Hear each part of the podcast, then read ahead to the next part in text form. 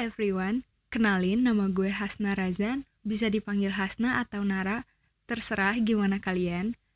Jadi, gue bikin podcast ini karena banyak banget temen gue yang suka curhat gitu ke gue. Nah, kebanyakan sih ngomongin soal cinta, tapi gak cuman itu, ada juga yang ngomongin soal keluarga, temennya, pekerjaannya, atau sekedar diskusi masalah keresahan yang ada di masyarakat.